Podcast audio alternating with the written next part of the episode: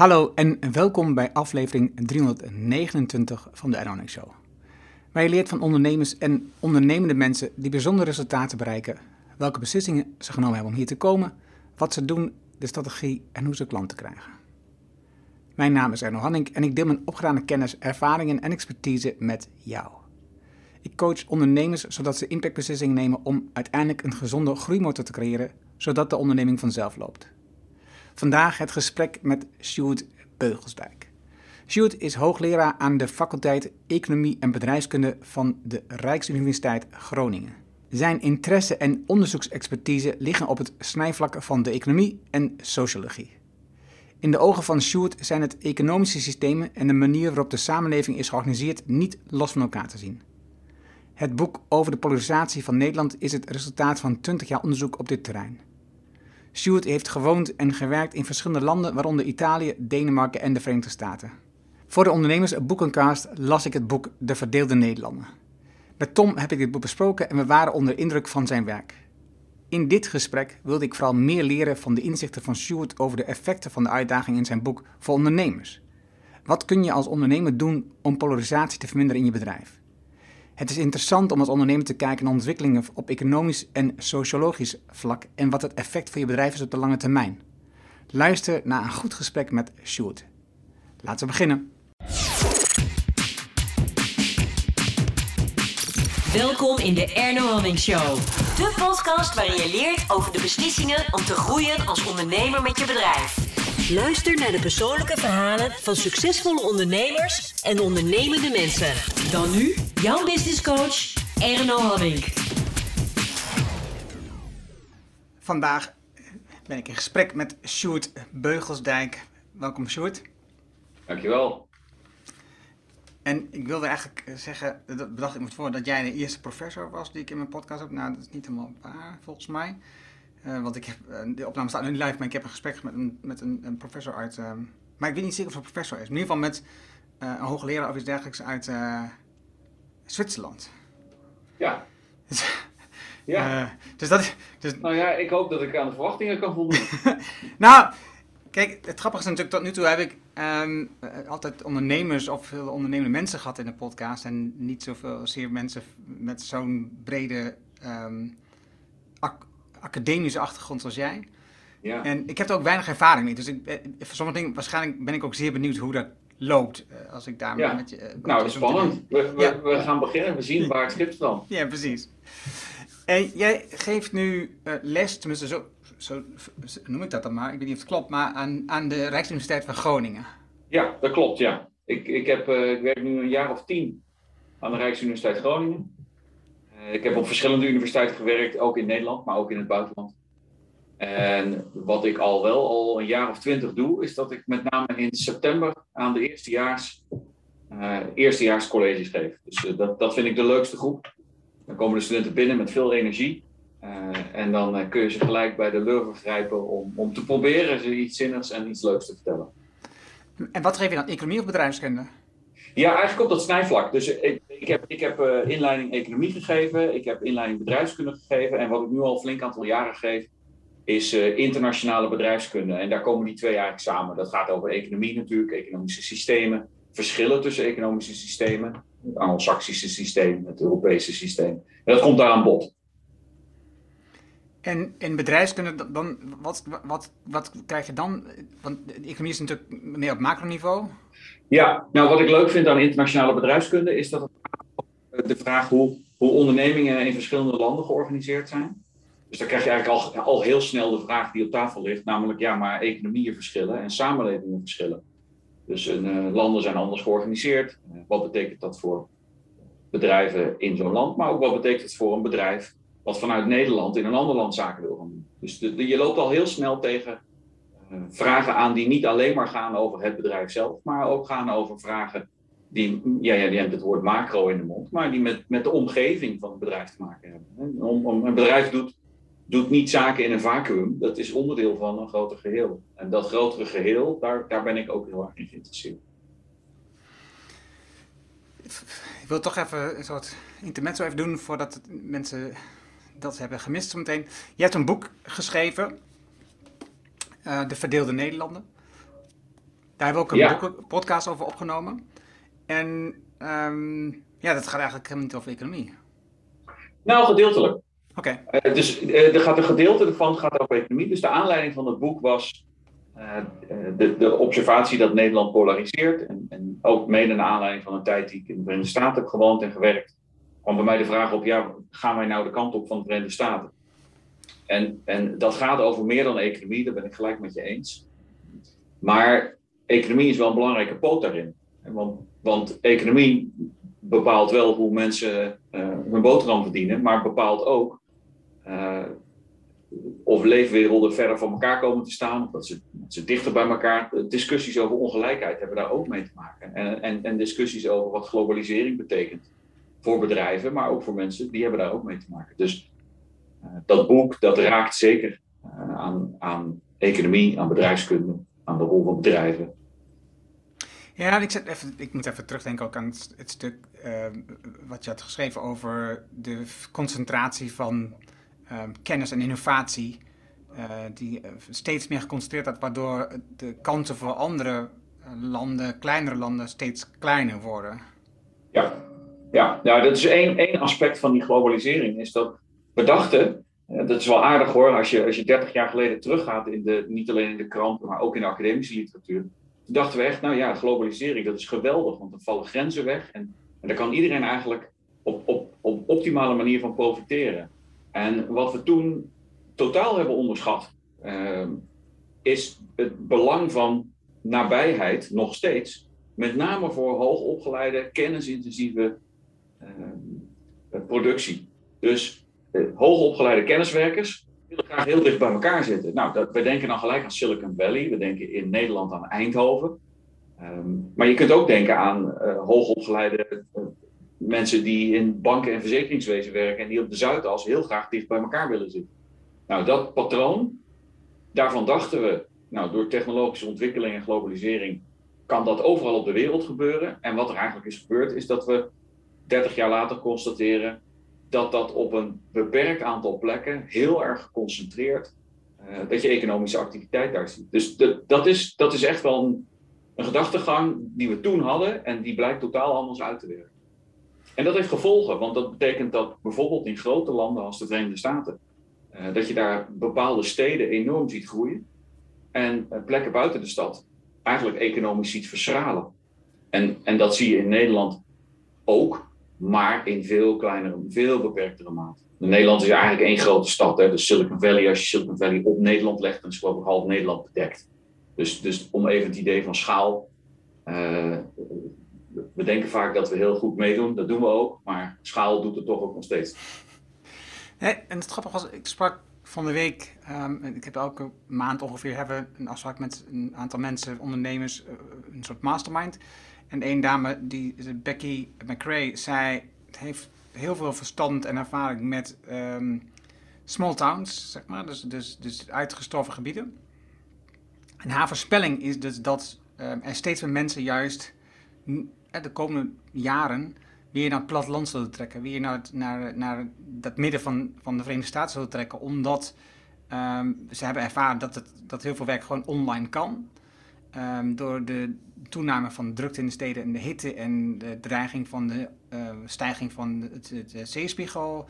Dus door, door de natuureffecten verwacht zij dat, dat veel mensen naar gebieden gaan waar, waar daar veel minder problemen mee zijn.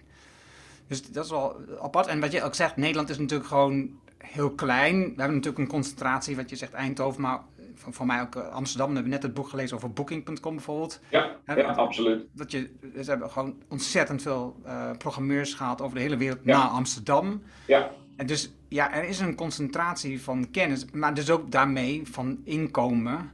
Ja. Uh, die uh, op dat soort plekken veel groter is dan in andere gebieden. Ja, dat klopt. En, en in, om aan te sluiten bij die observatie van dat, dat small towns, uh, kleine dorpjes of steden, kleine steden eigenlijk, hè, in de Verenigde Staten, dat die wat, zouden kunnen gaan groeien. Ja, dat is voor mij een grote vraag. Want uh, hoe die klimaatverandering gaat uitwerken op grote steden en de hittebestendigheid, en, dat weet ik niet. Dat vind ik echt een ingewikkelde vraag. Wat ik wel weet, is dat de economische prikkel om de stad uit te gaan, die, die neemt wel toe. Want het is natuurlijk een kostenbatenanalyse. Niet alleen voor individuen. Kan ik hier wonen? Uh, kan, ik hier, kan ik het veroorloven om hier te werken?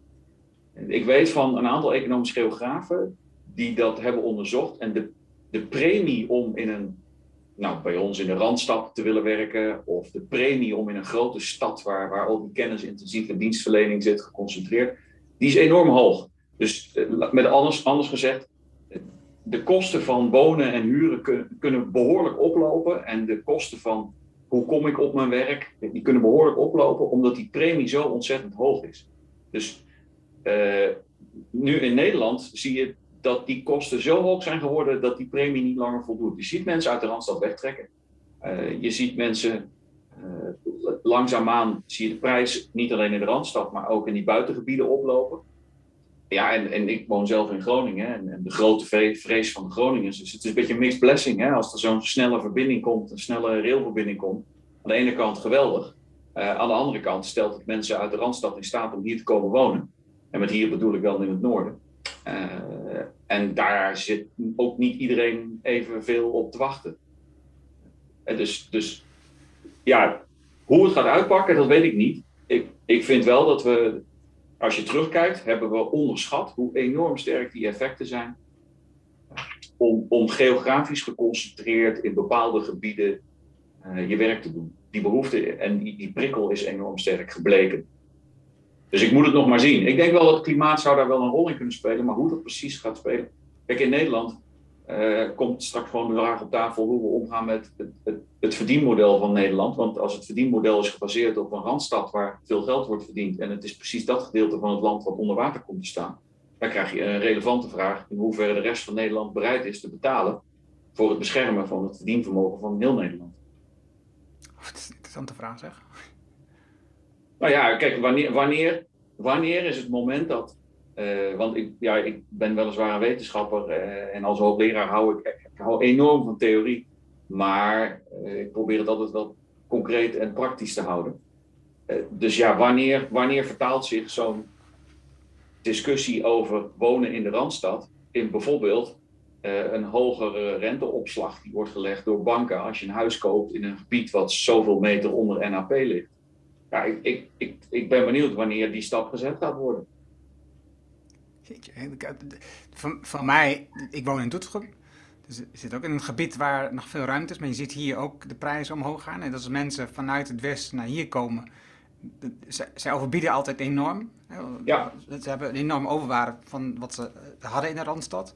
Ja. En, en dus daarmee komt er een soort oneerlijke concurrentie. En ook daarmee gelijk al een soort um, uh, weerstand tegen dat soort mensen dat die hierheen ja. komen.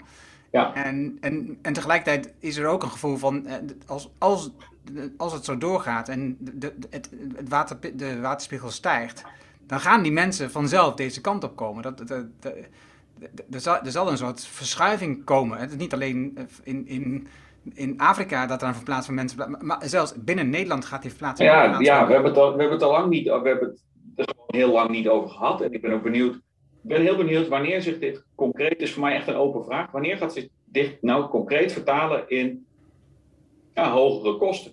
En gewoon op, op bijvoorbeeld als je een woning koopt uh, die onder NAP ligt. Ja, ik ben benieuwd, iemand zal daarvoor moeten gaan opdragen. Nou, wie dan? En wie gaat dat risico dragen? Ja, dat is wel een interessante vraag. En als je nu kijkt, want um, vanuit ondernemers gezien, hè, dus als je ondernemers die hebben op dit moment een van de grootste problemen voor ondernemers die, die willen bouwen aan een duurzaam bedrijf, die daarin willen groeien, die veel meer impact willen maken, is dus het verkrijgen van personeel, van goede medewerkers. Ja.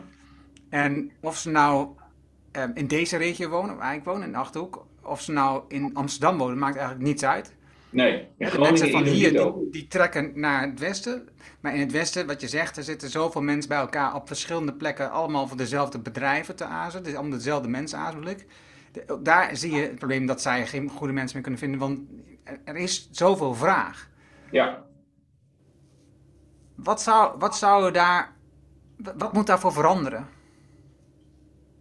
Ja, dat vind ik echt ingewikkeld, want diezelfde vraag, die zie je namelijk niet alleen bij ondernemers, maar die zie je ook in het publieke domein. Het is de zorg, het onderwijs. Als ik, als ik alleen al kijk hoeveel moeite wij hebben, bij ons in de faculteit Economie en Bedrijfskunde om goed personeel te vinden. En dat, dat, is, dat is echt, een, om maar een vreselijk Engels woord erin te gooien, maar dat is echt een war for talent.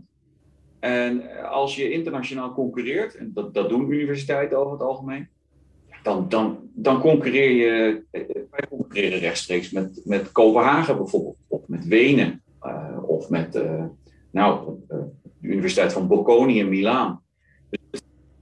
Dat probleem, waar, waar vind je hoogopgeleid, goed gekwalificeerd personeel, of misschien nog niet eens per se hoog opgeleid, maar goed opgeleid, gekwalificeerd personeel, uh, ja, dat doet zich in alle sectoren voor. En ik, ik heb geen idee hoe dit gaat aflopen, behalve dat een normaal tekstboek zou voorspellen, ja, dat gaat ze vertalen met wat vertraging in toch hogere looneisen en hogere lonen. Ja, ik, ik heb geen idee. Dat, kan ik, dat vind ik nou echt een moeilijke voorspelling om te doen. Maar de observatie dat, dat we met z'n allen aan het trekken zijn aan uh, goed geschoold personeel, die is wel terecht. Maar dat is niet alleen ondernemers, dat is ook het publieke domein. En dan heeft het publieke domein nog het nadeel dat vaak wordt gezien als minder dynamisch. Uh, dus ja, veel studenten die, die wij afleveren, die, uh, die gaan eerder kijken bij, uh, bij een grote multinational of een, of een grote MKB'er of, dan bij een, um, dan, nou, noemen ze een, een managementfunctie bij de politie. Ja.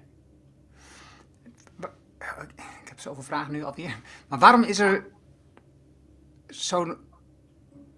Is het nodig dat er zo'n concurrentie is vanuit de universiteit gezien internationaal? Nou, ik, kijk, voor ons, dat verschilt per vakgebied. Maar bij ons is het, bij ons is het probleem dat um, het aanbod van en bij ons praat je over gepromoveerde onderzoekers, dus mensen die na hun studie nog eens een paar jaar extra op, uh, op, op onderzoek hebben gezeten en die dan een promotietraject hebben gedaan. Kijk, dat zijn mensen, dat zijn vaak, die zijn vaak mobiel. Er zijn heel veel Nederlanders die, uh, die in het buitenland bijvoorbeeld zijn gepromoveerd. Die probeer je dan terug te halen naar Nederland. Nou, buitengewoon ingewikkeld.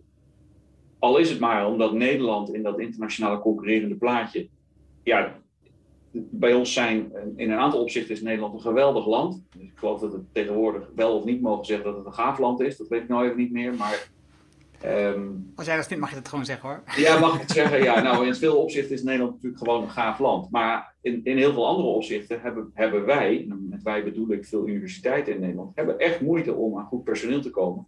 Omdat datzelfde personeel met soms veel betere voorwaarden um, een plek kan hebben uh, nou, of elders in Europa en met name elders in de Verenigde Staten. Dus ik vergelijk het wel eens met, um, uh, we willen eigenlijk Champions League spelen, uh, maar wij, wij bieden niet alleen een salaris, maar vaak ook in condities, gewoon in, in arbeidsmarktcondities, bieden we, bieden we niet het pakket wat dan hoort bij de verwachtingen die je schept als je zo iemand aanneemt. Namelijk, we verwachten dat je presteert op Champions League niveau maar het pakket wat we je aanbieden, dat is het niveau van de eredivisie. Ja, dat is ingewikkeld. Um, dus voor universiteiten is dat echt een hele grote vraag. In mijn boek vertel ik daar ook wel iets over. Dan zeg ik namelijk, ja, voor, buiten, hè, voor personeel wat van, van buiten Nederland komt met bepaalde eisen die dan nog gesteld worden, hoeveel kilometer buiten de grens van Nederland, daar kun je uh, gebruik maken van die 30% uh, expat-regeling die in Nederland. Nou, die is heel duur gebleken, want we zijn in steeds grotere mate afhankelijk niet alleen universiteiten, maar ASML in, in Eindhoven en een aantal toeleveranciers van ASML in Eindhoven, ja, die, die kunnen ook niet aan ingenieurs komen. En die halen ze dan uit India.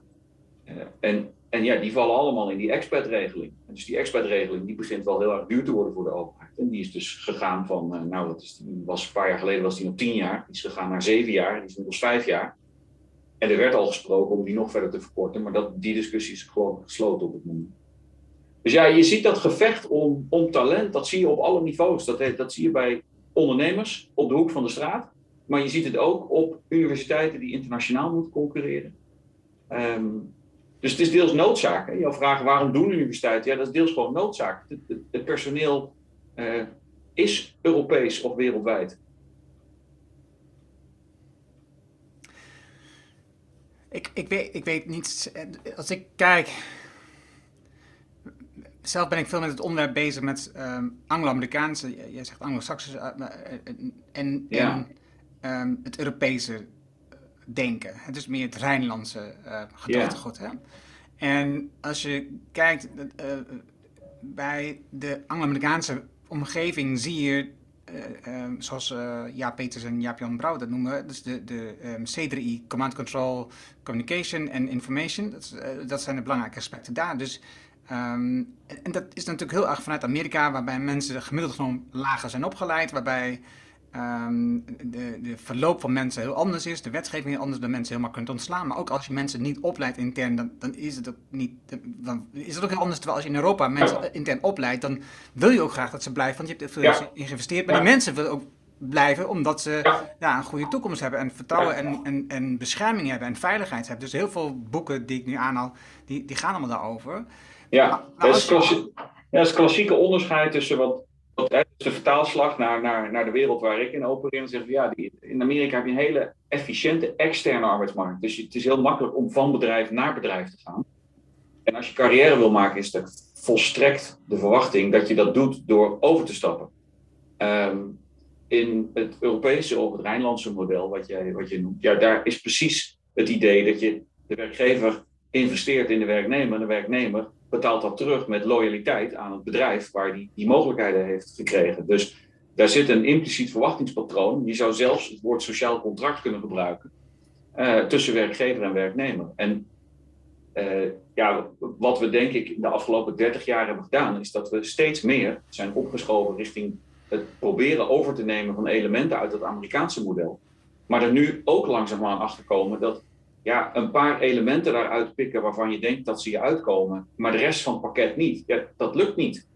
Of je neemt het hele pakket mee, waar we spreken. Dus of, je kunt niet shoppen in de, in, in de dingen die je bevallen uit het Amerikaanse systeem en dat dan proberen te plakken in het Europese model. Zo werkt het niet. Nou ja, als ik als ik dan, uh, mijn mening daarover is dat als je kijkt naar het Amerikaanse, dat zit je natuurlijk in het liberalisme, komt, het neoliberalisme komt dan sterk naar voren. En dus uh, we drijven steeds verder weg. Wij in Nederland hebben nogal die hang naar het Amerikaanse gedachtegoed. Hè, de grootste, het beste. We, kijken heel veel naar Amerika, naar grote bedrijven, succesvolle mensen zoals Elon Musk en Jeff Bezos. En dat is allemaal fantastisch hoe zij dat doen. En daarbij vergeten we over um, wat erachter ligt, hè? wat zij allemaal doen. Hè? Als je naar de fulfillment centers kijkt van Amazon, dat mensen geen pauze hebben en noem het allemaal op. En, eh, Dus de uitbuiting, zo zou ik dat omschrijven, van die mensen. En hetzelfde vind ik over uitbuiting, wat wij doen vanuit het westen richting het zuidelijk halfrond. Dat is ook verschrikkelijk. Terwijl eigenlijk in de kern van ons um, gedachtegoed, vanuit het Rijnlandse gedachtegoed, zit dat eigenlijk veel beter in elkaar. en dus waarom, hobbelen, waarom hobbelen we volgens jou dan eigenlijk die kant op? Nou, dat is een goede vraag. Ik, ik denk dat je daarvoor ook. Um, ik, ik, denk dat je daarvoor ook. De geschiedenis speelt daarbij een rol. En uh, ik denk dat we niet moeten onderschatten wat het impact is geweest van. Nou, laten we teruggaan naar 1989, de val van de muur, 1991, het uit elkaar vallen van de Sovjet-Unie. Uh, dat zijn cruciale momenten geweest waarop een soort hypernorm, noem ik het maar, een soort supernorm is ontstaan over, zie je wel, dat ene model, en laten we dat dan even het liberaal-kapitalistische model of het Anglo-Saxisch-Amerikaanse model, laten we dat noemen, uh, dat is dus superieur. Want dat andere model, dat heeft het niet vol kunnen houden. Maar wat we zijn vergeten in dat geheel, is dat er ook nog zoiets als een, als een middenweg, een Europees model. Um, en we zijn nou, behoorlijk wat decennia lang zijn we dat Amerikaanse model achterna gegaan. En met work bedoel ik ook universiteiten. Hè? Dus, dus ook universiteiten zijn die kant op gegaan. Dus het idee dat je bij een universiteit werkt ehm, omdat je intrinsiek gemotiveerd bent, omdat je geïnteresseerd bent in het uh, beantwoorden van vragen die relevant zijn voor, in dit geval Nederland. Ja, dat is allemaal wat naar de achtergrond geschoven. Daarvoor is in plaats gekomen een model wat heel expliciet is gericht op prikkels. En prikkels in de universitaire wereld betekent dan hoeveel publiceer je? Nou, dat is een variant van precies datzelfde Anglo-Amerikaanse of Anglo-Saxische model. En ja, dat, dat heeft enorme consequenties voor bijvoorbeeld je personeelsbeleid. Dat heeft enorme consequenties voor de manier waarop je kijkt naar je toeleveranciers. Eh, eh, het idee dat je je toeleveranciers eens in de zoveel tijd eens door elkaar schudt om, om ze wakker te houden en ze scherp te houden, nou, dat, daar is niks raars aan, denk ik. Ehm, maar de mate waarin je naar je toeleveranciers kijkt als relationeel of puur transactioneel, ja, dat maakt nogal wat uit. En ik, ik, ik denk dat we langzaamaan, dus die, wat ik noem die hypernorm die toen is ontstaan, en dat is allemaal niet bewust gebeurd, hè, want dat, dat is de tijdgeest die dan, die dan uh, zich openbaart. En op een gegeven moment dan constateren we met z'n allen, ai, hier zitten toch wel wat nadelen aan. Nou, dan vervolgens uh, proberen we dat uh, weer terug te buigen. Wat voor mij een hele grote vraag is, in hoeverre we in staat zijn om dat terug te buigen. Op een gegeven moment zijn de belangen zo verschoven en uh, zijn zo ver geïndividualiseerd in, veel opzichten. Dat je de vraag, de vraag die op tafel ligt is, zijn we nog in staat om nog een beetje terug te gaan naar dat coöperatieve model? Nou, dat, dat weet ik niet. Dat vind ik best ingewikkeld. Want ook in Nederland is bijvoorbeeld de rol van vakbonden. En dat, ik ben een groot voorstander van een soort balance of power. Dus er, moet gewoon uh, er moeten gesprekspartners zijn die uh, een groep vertegenwoordigen die onderdeel zijn van die hele set aan stakeholders die je hebt. En als daar een disbalans in komt, dan gaat er uiteindelijk, misschien niet gelijk, maar uiteindelijk gaat daar iets mis. Nou, een van de problemen waar de vakbonden tegenaan lopen, is dat dat lidmaatschap terugloopt. Uh, dus in hoeverre vertegenwoordigen zij nog de groep waar ze voor zouden staan? Dat is echt wel een heel groot probleem. Dat is een heel groot vraagstuk. En, en, dat, en wat daar vervelend aan is, dat is niet alleen voor de vakbonden zelf vervelend in termen van lidmaatschap en in termen van vertegenwoordiging, maar het is ook vervelend voor het, voor het geheel. Uh, want het is uiteindelijk in niemands belang uh, dat er één partij daar uh, kan domineren. Nou, wat interessant is, is dat de werkgevers in Nederland, die hebben een strategisch stuk geschreven, dat heet Agenda 2030. En die schrijven daar dingen over het Nederlands arbeidsmarktsysteem, waarvan je zou verwachten dat dat eigenlijk door de vakbonden zou zijn geschreven. Maar dat is informatie die ze hebben opgehaald uit, uit hun leden. Um, en dat gaat onder andere, zij noemen heel expliciet ideeën over het Rijnlandse model, of toch beter aansluiten bij het Europese model. En toch proberen wat afscheid te nemen van een aantal van die tradities die we uit de Verenigde Staten hebben overgehaald. En die blijken gewoon niet altijd te werken. Ik, een heel concreet voorbeeld. Ik heb, ik heb zelf uh, wel eens gekeken naar de vraag. Ja, we nemen vaak uh, uit de Verenigde Staten zo'n zo'n instrument over als we moeten bonussen gaan introduceren. Dus we gaan managers op grote schaal op stok he, of uh, aandelenpakketten geven. Um, dat proces dat is al lang geleden in gang gezet en dat gaat steeds verder door. Uh, maar ook het idee dat je pay for performance gaat invoeren. Dus dat je individuele werknemers, niet alleen managers, maar ook pay for performance. Ja, als je daar nou eens grootschalig goed naar kijkt, heeft dat nou eigenlijk effect op prestaties van ondernemingen? Nou, dan is het antwoord op die vraag, ja, dat heeft het wel, maar alleen in de Anglo-Saxische context. Dus wat we hebben gedaan, is dat we ideeën die in de Anglo-Saxische context prima zouden kunnen werken, en die ook aantoonbaar werken, die nemen we over met het idee dat ze hier ook zouden werken. En die, en die werken aantoonbaar niet. Nou ja, dat, het duurt lang voordat we blijkbaar daarachter komen. Maar ik denk dat we met z'n allen ontdekken dat dat dus niet, niet goed werkt. Dus ik heb er wel geloof in, eerlijk gezegd. En daar ben ik wel positief over. Uh, dat, dat Nederland, en eigenlijk ook Noordwest-Europa in algemene zin, misschien toch wat meer gaat aansluiten bij zijn oorspronkelijke roots. En die oorspronkelijke roots die liggen toch voornamelijk in zo'n uh, ja, meer coöperatief, meer Rijnlands model. Uh, dat wil niet zeggen dat we, dat we niks kunnen leren hè, van het Anglo-Saxische Oh nee, nee, nee, nee, dat, dat ben ik niet. Uh, maar er zijn gewoon een aantal punten waarop, het, waarop je iets probeert te importeren uit zo'n systeem, wat aantoonbaar niet aansluit en wat ook niet werkt. Ja, en dan wordt het een soort rationele mythe dat het idee is, uh, het is geweldig en het werkt, terwijl we eigenlijk elkaar voor de gek houden. In het, in het boek De Machine, uh, wat, wat vandaag is verschenen um, van, van drie uh, um, journalisten van het NRC, mm-hmm. dat, dat wat over dus Booking.com gaat, daarin zie je ook die bonusstructuur terugkomen. En uiteindelijk klapt um, Booking in voor een groot deel, wat dan meer heeft te maken met corona. Maar je ziet aan, aan de als je goed leest, denk ik, zie je ook aan de onderkant in de cultuur dat die problemen steeds groter werden. Hè? Dus de, de onzekerheid werd steeds groter. De verschillen tussen de mensen die, die veel werden betaald, de programmeurs, en de mensen die weinig hadden betaald, de mensen aan en de callcenters. De, de, er ontstonden gewoon werelden.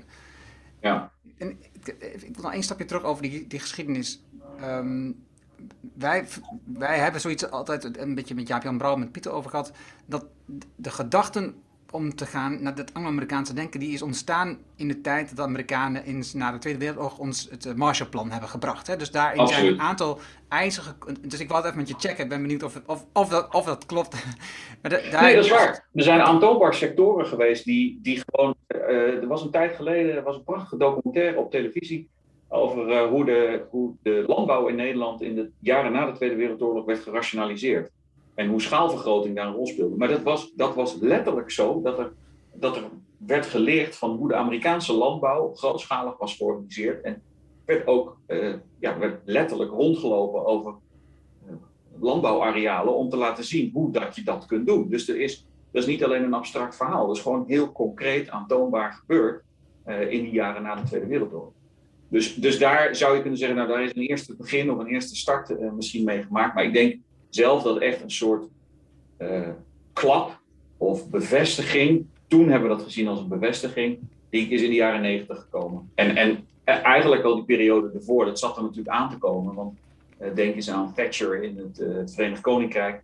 Die, die de macht van de vakbonden daar toen behoorlijk radicaal heeft gebroken. Reagan in de Verenigde Staten. Dat, dat, zijn, dat zijn ja, dat is een periode die staat echt wel voor een verschuiving. En daar kwam toen de bevestiging van in 91. Ja, en daar is vervolgens, uh, nou ja, dan kom je in 2001 en dan krijg je niet alleen 9-11, maar dan krijg je vooral, en dat is misschien nog wel veel belangrijker, krijg je eh, China wat lid wordt van de Wereldhandelsorganisatie. En, en dat is een enorme uh, sprong geweest in termen van een wereld waarbij China de fabriek van de wereld is geworden. Is een economisch systeem waarbij het huren van een zeecontainer uh, een habbekrats kost. Uh, om, om vervolgens uh, je tuinmeubelen van, van Shanghai via China, of vanuit China via Shanghai naar, naar Rotterdamse haven te, te exporteren. En daar zien we nu ook, hè, dat, in het begin was dat allemaal fantastisch en heeft iedereen, was ook echt het idee, daar worden we allemaal beter van. Maar het aardige is dat in, aardige, ik weet eigenlijk niet of het aardig is, maar in 2001 waren er ook, misschien dat sommige mensen zich dat nog wel herinneren, waren er ook enorme demonstraties bij zo'n G8-bijeenkomst uh, in Genua was dat. En de beelden staan mij nog helder op het netvlies, namelijk, ik was er niet bij, maar op, op het journaal, dat daar, uh, daar zijn doden gevallen. Uh, en het was, dat was een interessante coalitie van demonstranten. Dat was, er waren mensen die waren tegen de Irak-oorlog, er waren mensen die, die waren tegen het kapitalistisch systeem. Het waren radicalen, eender op welk punt, maar, maar er zaten ook mensen bij die als je terugleest naar de krantenartikelen van toen, die toen commentaar hadden, waarvan je nu zegt, daar zat toch wel een aardige kern van waarheid in. Namelijk, ja, zo'n G8 staat voor een systeem uh, waarbij uh, je nieuwe winnaars en verliezers gaat krijgen van zo'n geglobaliseerd systeem. Het gaat druk geven op het milieu.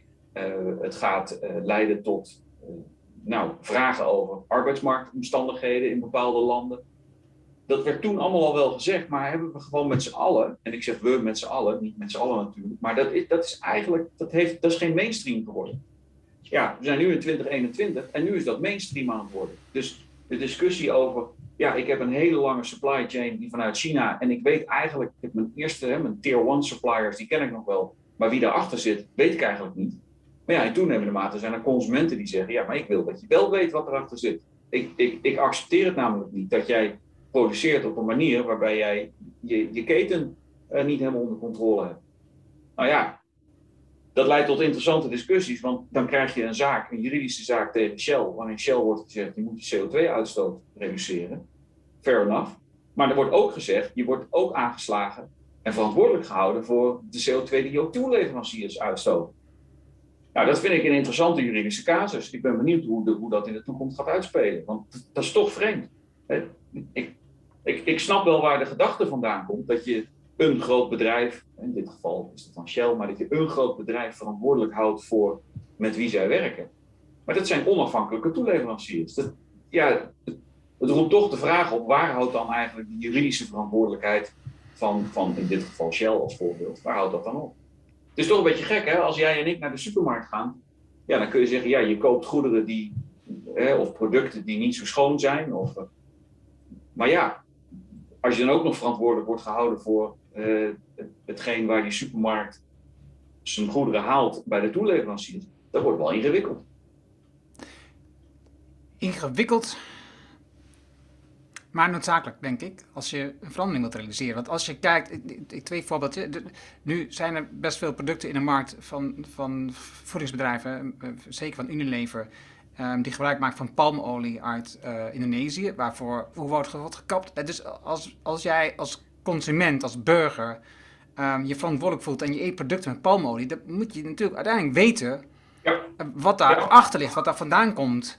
En hetzelfde wat, uh, kun je bedenken over soja, uh, wat gebruikt wordt in de vleesindustrie, wat, wat gehaald uit, uit Zuid-Amerika. En zo herinner ik me een, een, verhaal uit het boek um, Groen en Wit van Katrien, um, nou, achternaam heb ik het, een Duitse journalist.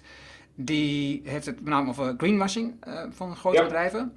En zij heeft een, een verhaal in haar boek over uh, een stam, ik dacht in Zuid-Amerika, die klagen volgens mij Volkswagen aan. Dus ik me niet op vast of, de, of die bedrijf exact klopt, maar dat is, zo is het wel ongeveer. In, in Duitsland, on, op het Europese recht, dat zij daar, of het was een energiebedrijf, dat zij dus daar de boel um, kapot maken. Ja. En zij moeten dus uh, uh, geld betalen aan de, aan, aan de oorspronkelijke mensen die daar wonen, want die hebben nu geen bestaan meer daar. Alles is weg gewoon daar. Nee, dat, zijn, dat zijn natuurlijk wel interessante, wat je zegt, interessante juridische aspecten, maar tegelijkertijd, ik begrijp het ook. Nee, ik begrijp het zeker. En wat ik er zelf heel prachtig aan vind, is dat datgene wat eigenlijk verantwoordelijk is uh, voor deze ontwikkelingen, namelijk technologie, de technologische ontwikkeling, waardoor uh, je eigenlijk wereldwijd kunt produceren. Je kunt, het, je kunt, je kunt het outsourcen naar plekken waar, waar voorheen, hè, laten we zeggen 25 jaar geleden, waar dat allemaal veel lastiger was. Je kunt real-time controleren wat er in die fabrieken gebeurt. Nou, allemaal prachtig. En, en wij hebben deze podcast ook op een, uh, op een modern technologisch platform. Dus dat is allemaal fantastisch. Maar het heeft ook geleid, het heeft ook gefaciliteerd dat dit soort dingen kunnen gebeuren die jij net beschrijft. Maar wat ik er nou zo geweldig aan vind, is dat diezelfde technologie inmiddels ook wordt gebruikt om als antwoord om, om, die, om die ketens inzichtelijker te krijgen. Dus en je kunt al, ik, dat is al een tijdje gaande, maar uh, bedrijven die op hun verpakking een QR-code uh, zetten, waarop je kunt scannen als consument, ja, waar komt het eigenlijk vandaan? Dus ik geloof dat je bij, bij die tonijnblikken van John West, daar kun je ik op zien waar dan de tonijn gevangen is, waar welke regio's er ongeveer vandaan komen. Maar dat gaat veel verder inmiddels. Dus er zijn voorbeelden van bedrijven.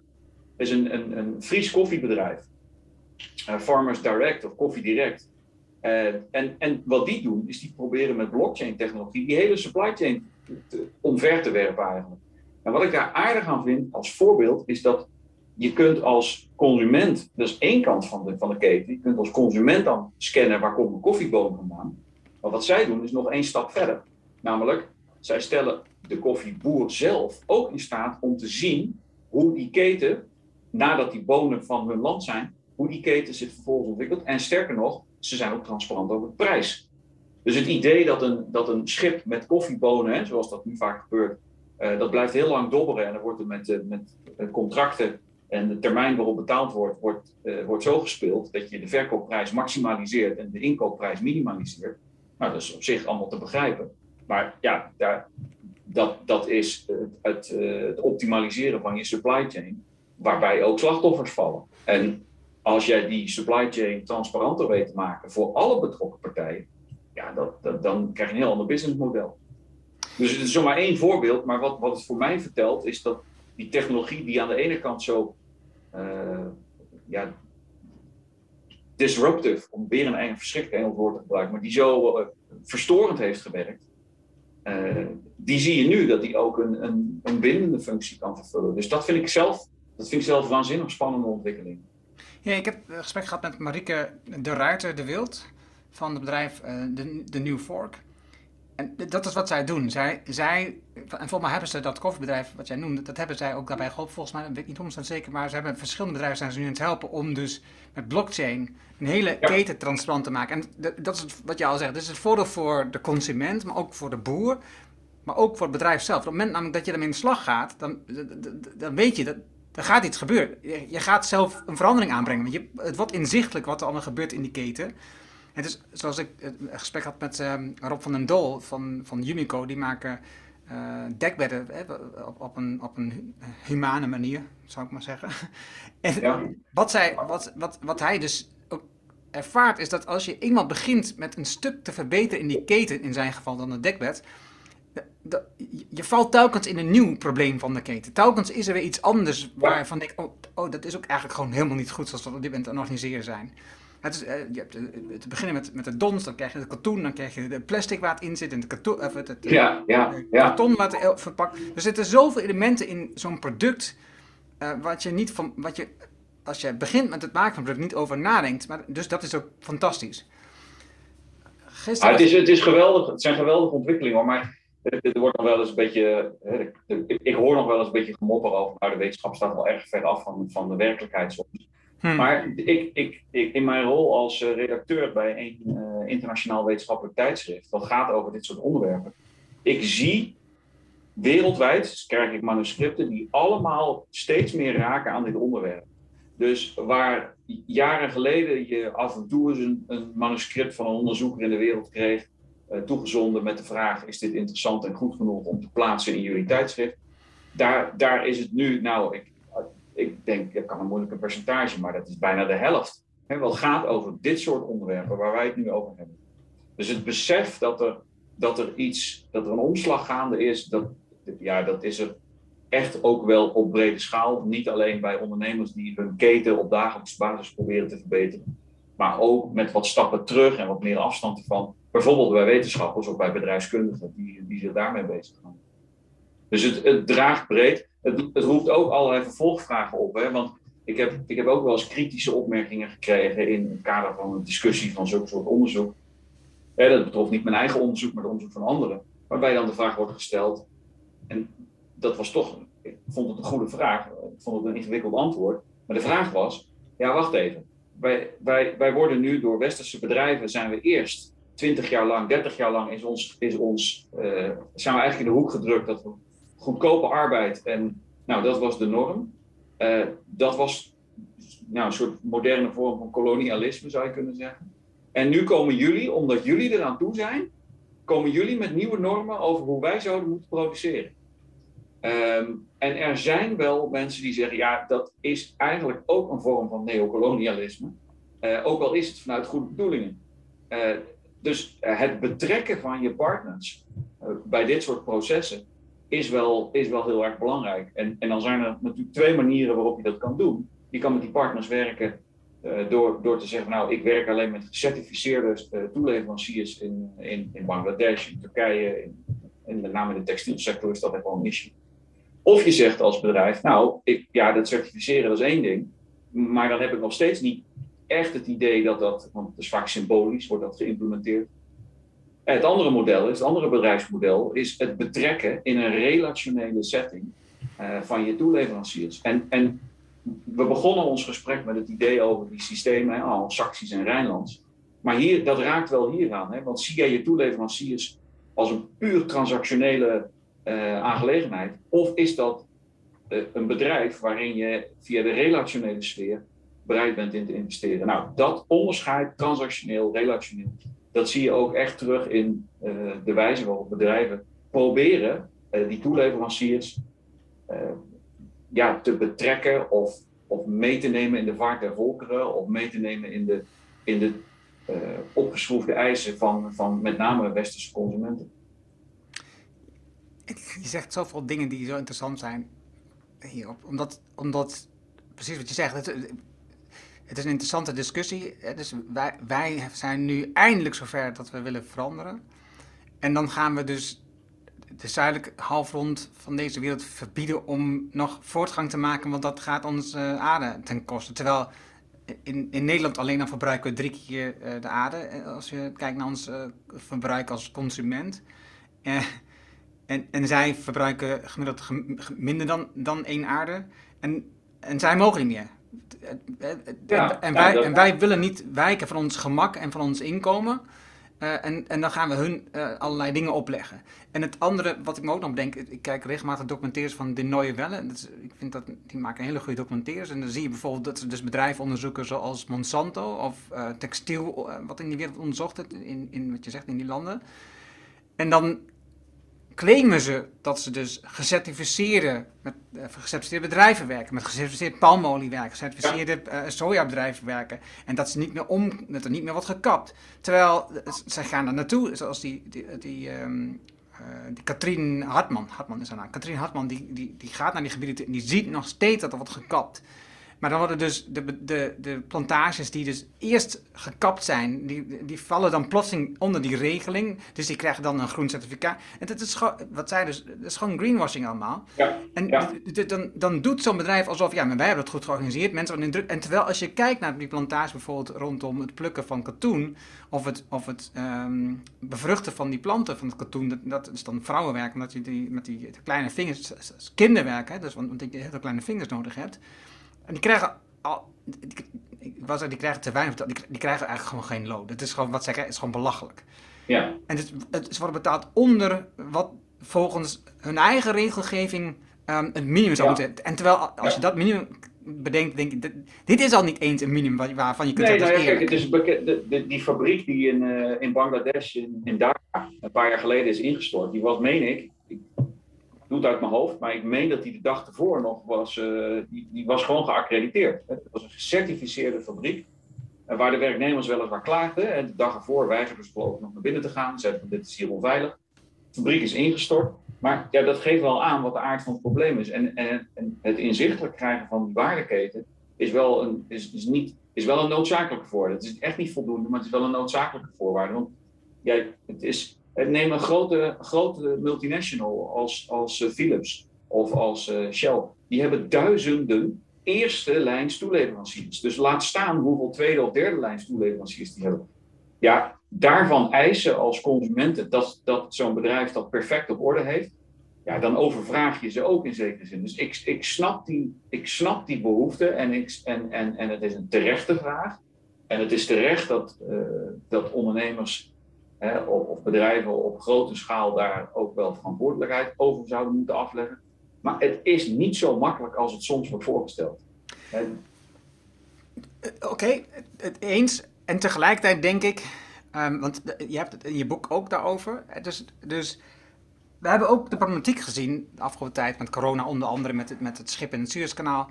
Dat op het moment dat je die hele fabriek in, in die landen hebt, of dat nou China is of in, ieder geval op het zuidelijke halfrond, op het moment dat er iets misgaat, dan hebben we ook hier geen producten meer. We zien het nu met de chips uh, met in de auto-industrie. En wij snijden alle marge uit onze bedrijven, alle overschot wat eruit gaat. Dus je hebt, je hebt, je hebt geen, geen zekerheden meer, als, als een soort buffer bedoel ik eigenlijk niet, zeker, maar een buffer, die zijn er niet meer, want dit kost allemaal geld. En dus op het moment dat je dus weer aspecten um, in Europa haalt. Hè, dus uh, dus uh, uh, van, ik ben meer van het idee, we moeten Europa sterk maken als Nederland Ja. als enige, dat is onmogelijk. Ja. En dus Ja. als, als die aspecten terughaalt naar Europa, ehm, eh, goed gaat werken met belasting, om, niet om, om de markt af te schermen, maar wel ervoor te zorgen dat je op een gelijke manier belast, zodat je Ja. niet goedkoop staal uit China kan halen wat veel is geproduceerd, maar dat je op een gelijke manier belast, zodat het milieu gelijkwaardig wordt belast. En tegelijkertijd ehm, denkt van, want je had het daar ook in je boek over, eh, als, je, als, je die, als je dat aspect weer naar Europa haalt, dan wordt je relatie met je toeleveranciers ook weer beter. Hè? Dus je, je weet wie er in je keten zit, je weet Ja. wie je toeleveranciers zijn. En dan ga je terug naar dat Europese, naar dat, naar dat Rijnlandse Ja. gedachtegoed, Ja. waarbij je dus denkt van, ik heb, ik heb een relatie, wat je net al zei, die relationele sfeer met zo'n toeleverancier. En, en, en het gaat veel meer vanuit ehm, vertrouwen en verbinding. Dus dat zijn eh, drie V's belangrijk in, in het eh, Rijnlandse stuk. Ehm, dan vanuit, ja, we buiten je uit en je moet gewoon die, minimaal moet je gewoon leveren, want, dat, want dan kunnen wij een maximale inkomen realiseren of een maximale winst realiseren voor onze aandeelhouders. Dus het is niet alleen goed voor de wereld, maar ook goed zoals jij het beschrijft in jouw boek, om, eh, om even nog die link te maken met je boek, want ik vind, ik vind het beslist een goed boek, voor duidelijkheid. Ik, ik heb echt eh, eh, eh, me verbaasd en, en ook verwonderd over dingen die ik zelf niet in de gaten heb, maar hoe sterk je dat eh, laat zien in het boek. Over het belang van het terugbrengen van die elementen in Europa, dichter bij de toeleveranciers, om dus die ehm, ehm, polariteit, hoe heet het? Ehm, Ja, je krijgt, wat, je, wat, je, wat je daarmee bereikt. Ik denk, dat, dat dat een kenmerk is van dat, van dat Rijnlandse model. En als je. We hebben nu een discussie over toeleverancier. Maar het idee van een gemeenschap. Eh, het idee dat je vanuit een relationele context opereert. En ik denk eerlijk gezegd ehm, dat, dat de wal het schip een beetje zal keren. Want we komen er op grote schaal achter dat het idee van just in time. En dat geldt niet alleen voor die containers, maar dat geldt, dat geldt ook of, of toeleveranciers en systemen van, uh, van, van waardeketens. Maar dat geldt ook voor de manier waarop we in Nederland zelf bepaalde taken hebben georganiseerd. En een van de problemen waarom we nu, nu vanavond waarschijnlijk uh, niet mogen afspreken met mensen, is dat, dat de zorg zo efficiënt is georganiseerd dat de buffer of het elastiek die erin zou moeten zitten, dat die er niet meer in zit. En, en dat vind je op heel veel plekken ook in het publieke domein. dus we hebben het veel over uh, hoe ondernemers hun. we hebben het gehad over hoe ondernemers hun waardeketen kunnen optimaliseren. En dat daar verschillende bedrijfsmodellen en gedachten en misschien zelfs wel ideologieën achter zitten. Maar uh, diezelfde ideologieën zitten ook achter de manier waarop je bijvoorbeeld de overheid organiseert. Ik denk en, zelfs dat daar nog sterker is.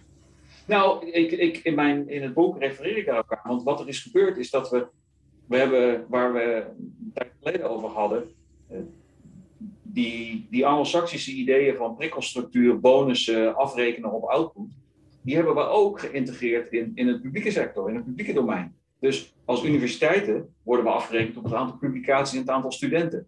Een medewerker in de zorg wordt afgerekend op het aantal cliëntcontacten. Um, een politie wordt afgerekend op het aantal, nou, vul maar in. Boetes. Dus, ja, bijvoorbeeld het aantal boetes, ja. Dus we hebben, we hebben uh, breed in de samenleving hebben we dat soort dingen omarmd. En, en wat, wat mijn lezing is van wat er nu gaande is, is dat de samenleving breed nu aan het concluderen is, hè, want die, die, die gedachten en die, die stemmen waren er altijd al wel, maar dat waren minderheden. En nu zie je dat die minderheden die daar altijd in 2001 misschien ook bij G8 daar hun twijfels over uiten. Uh, dat is nu een meerderheid geworden. En, en inmiddels wordt dus van de overheid en van het bedrijfsleven wordt een worden andere verwachtingen worden neergelegd. We, willen dat jullie eigenlijk vanuit vertrouwen opereren. We willen dat jullie eigenlijk vanuit een relatie opereren. We willen dat dat transactionele, dat dat wat, dat dat wat meer uh, gereduceerd wordt. Maar ja, dan, dan moet de organisatie die moet zich daarop aanpassen. Dus een, een manier waarop je ernaar kunt kijken is de samenleving met, met al haar wensen, die is al een heel eind vooruit. En dan moet eigenlijk de organisatie, zowel het bedrijfsleven, maar ook de overheid en de manier waarop zij georganiseerd die, die moet daar nu zichzelf aan gaan aanpassen aan die nieuwe werkelijkheden. En dat kost tijd. Oké, dan, heb ik, nu, dan heb ik voor jou een interessante vraag, denk ik. Wat denk jij, want jij noemt nu de overheid en het bedrijfsleven. Maar wat moet, wat moeten instituten waar jij voor werkt veranderen? Want dat is toch waar het begint. Want als ik kijk naar hoeveel Amerikaanse literatuur er wordt gebruikt in de opleiding, ook toen ik de MBA volgde, dat, je, dat is de gedachtegoed wat je meekrijgt. Dat is zoals het werkt, dat is zoals het moet doen. Ja, ja. nou dat, dat is dus een van de dingen die ik, die ik zelf al. Uh, dat is ook de reden waarom ik graag in het eerste jaar aan de eerstejaars studenten college geef. Omdat je dan ook de kans hebt om te zeggen, uh, we opereren in een bepaalde context. En, en die context doet het toe. Um, en dat betekent heel concreet dat je dus moet uitleggen dat bepaalde gedachten, theorieën, zo je het wilt noemen, uh, die uit een Amerikaanse context komen, dat je die dus niet blind kunt kopiëren in, in de Nederlandse of de Europese of de Aziatische context. Zo werkt het niet. Dus het idee dat, dat er, we hebben met name als je het hebt over corporate governance structuren, en, en, beloningsstructuren, ja, dan hebben we toch wel heel veel overgenomen uit die anglo-saxische wereld. Maar dat komt uit een theorie die daar is ontstaan. En er zijn ook, als je teruggaat naar waarom is die theorie daar ontstaan en, en waarom nou juist daar, nou, er zijn eigenlijk best nog wel goede redenen voor dat het daar wel werkt. Um, maar ja, dan vervolgens, gaan, wat, wat er fout gaat, is dat we, ja, de Amerikaanse economie is groot, Amerikaanse universiteiten zijn machtig, maar groot en machtig wil nog niet zeggen dat je gelijk hebt. Uh, en, en dat willen we wel eens door elkaar gooien. En dus is het belangrijk dat je in de Nederlandse context daar veel explicieter over bent. En een van de dingen die wij, en dan met wij bedoel ik, uh, laten we zeggen, Nederlandse hoogleraren economie en bedrijfskunde, die wij ons in zekere zin zouden moeten aantrekken, is dat wij die vertaalslag veel scherper hadden moeten maken en zullen moeten gaan maken. Want ja, anders leid je mensen op met het idee dat dingen hier zouden werken, die hier helemaal niet werken, uh, omdat je ze importeert uit een andere context. En dan hebben we hier nog, we hebben het hier over Europa, we hebben het over Nederland. Maar hoe zit dat dan met uh, India, China, Japan? Dat, het is wel interessant om te zien hoor. Je ziet steeds meer Chinese managementtheorie opkomen in de wetenschappelijke literatuur. En in zekere zin is dat ook een reflectie van de opkomende rol van China in de, in de wereld, zowel geopolitiek als economisch. Dus, maar ook daar is precies dezelfde vraag. Nou, dat werkt heel goed misschien in de Chinese context, met veel staatsbedrijven, met veel invloed van een communistische politieke partij. Um, maar dat werkt misschien helemaal niet in de Noordwest-Europese context. Dus die vraag die je stelt is een hele terechte. Waar ligt eigenlijk mijn en onze verantwoordelijkheid als, als docenten en als hoogleraren? Nou, in, in mijn boek zeg ik daar ook wel iets over. Namelijk dat ik, ik vind dat daar eigenlijk ook de hand in eigen boezem moeten steken. Ja, over wat die beloningssysteem, ik heb daar met Tom van Lubbe heel vaak over, en daarmee doe ik de boekenkaast onder andere. En zij, zij um, hebben onder andere gebruik gemaakt van um, Kilian Wawou's um, onderzoek bij de ABN, waarbij gewoon super duidelijk is dat eigenlijk die uh, uh, mensen proberen te stimuleren met, met beloning, met, met, uh, met uh, financiële impulsen, dat dat gewoon averechts werkt. Tenzij je gewoon geestdodend werkt hebt, dan kan het nog wel, maar voor de rest en, en, en, dat hebben we voor het grootste gedeelte niet in Nederland. Hebben we, voor de, hebben we gewoon kennisintensieve bedrijven. Dus dat werkt gewoon niet. Sterker nog, als je kijkt naar de onderzoeken van um, Daniel Pink. Uh, in Amerika is het ook bewezen dat het voor het grootste ook niet werkt. Alleen ja. ook daar weer bij de lager opgeleide zou, zou, het nog voor een deel kunnen werken. Kun je nog zeggen dat heeft dan effect. Maar voor het grootste deel heeft het een averechts effect op wat je aan probeert ja. te bereiken. Ja. En, en um, ja, ik denk maar, maar, ja, nou je slaat de spijker op de kop, denk ik. Want kijk, een van de redenen waarom het werkt, jij zegt van ja, hoger opgeleid, maar het is ook een, ander, het is ook een andere invulling van, van wat je belangrijk vindt in je werk. He, dus dat heeft ook te maken met generationele verschuiving. Dat klinkt allemaal heel groot en abstract, maar dat is het niet. Want 40, 50 jaar geleden, wat wilden mensen toen uit een baan? Nou ja, een beetje baanzekerheid en een salaris. Maar als je nu jongeren van nu, die nu beginnen, vraagt: wat wil je uit een baan? Dan, dan gebruiken ze woorden als: ik wil me kunnen ontwikkelen. Ik wil mijn creativiteit kwijt. Uh, ik wil mezelf ontplooien. Nou, het zijn hele andere dingen. Uh, ja, moet je nou, als dat de wensen zijn van je werknemers, moet je dan, moet je dan financiële prikkel in, uh, gaan gebruiken om dat voor elkaar te krijgen? Ja, volgens mij juist niet. Dus je ziet ook dat die theorie en die ideeën hierover, die, die lopen ook een beetje bij de tijd achter. maar ja, kijk, die theorieën die zijn ontstaan in een periode dat je in Amerika, we hebben het over Amerika, we hebben het over de opkomst van grote bedrijven. Nou, dan moet je 100, 150 jaar terug. Maar dan heb je het ook over de periode waarin aandeelhouderschap in de Verenigde Staten, en tot op zekere dat nog steeds, enorm verspreid is. Dat zijn inderdaad allemaal individuen. Maar ja, dat model wat daarop is gebaseerd, dat past niet bij, nou, neem eens, neem eens Italië, met heel veel familiebedrijven dan heb je helemaal niet dat die aandeelhouders totaal verspreid zijn. Dus die belangen die liggen heel anders. Exact. Uh, Frankrijk, daar heb je bedrijfsgroepen, business groups die daar actief zijn. Nou, zo kan ik voor verschillende landen allerlei voorbeelden geven. Dat iets, dat iets bazaals als wie is eigenlijk eigenaar van die onderneming en hoe is dat gestructureerd, ja, dat heeft gevolgen voor de discussie over de relatie tussen eigenaar en, en, en, en manager. En ja, het idee, ik moet de manager maar gewoon financiële beloning geven, want dan doet hij wat het hij of zij wat in het belang is van mij als anonieme aandeelhouder, ja, dat, dat is perfect in zo'n model uh, zoals dat toen is ontstaan. Maar het werkt volstrekt niet in een model waarbij die aandeelhouders een heel andere structuur kennen. Ja, ik zat, ik zat te denken aan je, wat je net zei, dus dat er nu langzaamaan theorie uit China naar hier komen in, uh, in managementtheorie. Je moet er toch niet aan denken dat dat soort dingen ook nog weer uh, worden geprobeerd hier in, de, in deze omgeving we hebben toch totaal niet vergelijkbare. De, nee. de link bijvoorbeeld gelegd hebben vanuit nu met corona, hoe de verschillende landen omgaan met de, met de maatregelen die worden getroffen door de overheid. Ze zijn niet eens tegelijk, want de culturen zijn totaal verschillend. Nee, het, het, gedrag van mensen, hoe wij um, uh, zeg maar de letter van de wet volgen of de overheid opvolgen. Of, uh, in China is het gewoon zo, de overheid zegt dit en dan, ja, dan heb je ja. gewoon geen keuze. Dit is het ja. gewoon. Het is nee, dus ik, ik, mijn verwachting is ook totaal niet dat dat, dat, dat op grote schaal overgenomen gaat worden. Al is het alleen maar omdat de, de historische nou, affiniteit of de, de mate waarin mensen zich identificeren met de Verenigde Staten, ook al hebben we daar, hè, dat is wel afgenomen, dat, blijkt ook uit allerlei onderzoek, dat, dat, is afgenomen mede door de politieke ontwikkeling in de Verenigde Staten. Maar wij, die affiniteit hebben we veel minder met, met China. En dat heeft te maken met de democratie, verschillen in opvattingen over wat, wat, wat we, ja, hiërarchie, wat jij noemt, de rol van hiërarchie. Dus dat, nee, dat, dat, zie ik, dat zie ik 1, 2, 3 niet gebeuren.